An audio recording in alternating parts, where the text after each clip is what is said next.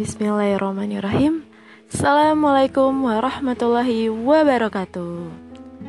Kembali lagi di podcast Ser-Ser Pada kesempatan kali ini Saya akan menjawab soal nomor 18 Apakah perbedaan antara ijarah dan leasing dalam tinjauan fikih muamalah?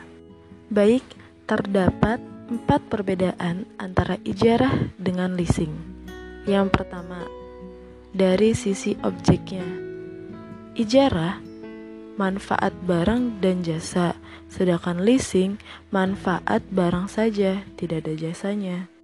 Lalu, berdasarkan alih kepemilikan, ijarah jelas.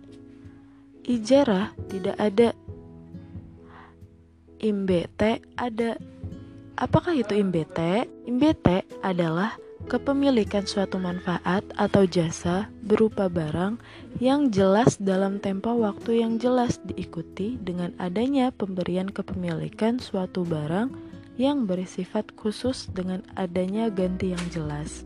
Sedangkan leasing tidak semuanya jelas. Operating lease tidak ada, financial lease ada pilihan untuk membeli atau tidak pada akhir periode.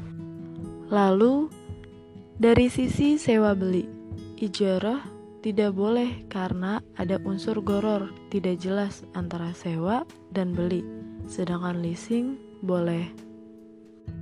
Lalu yang terakhir, dari sisi save and lease back, dalam ijarah boleh, dalam leasing juga boleh.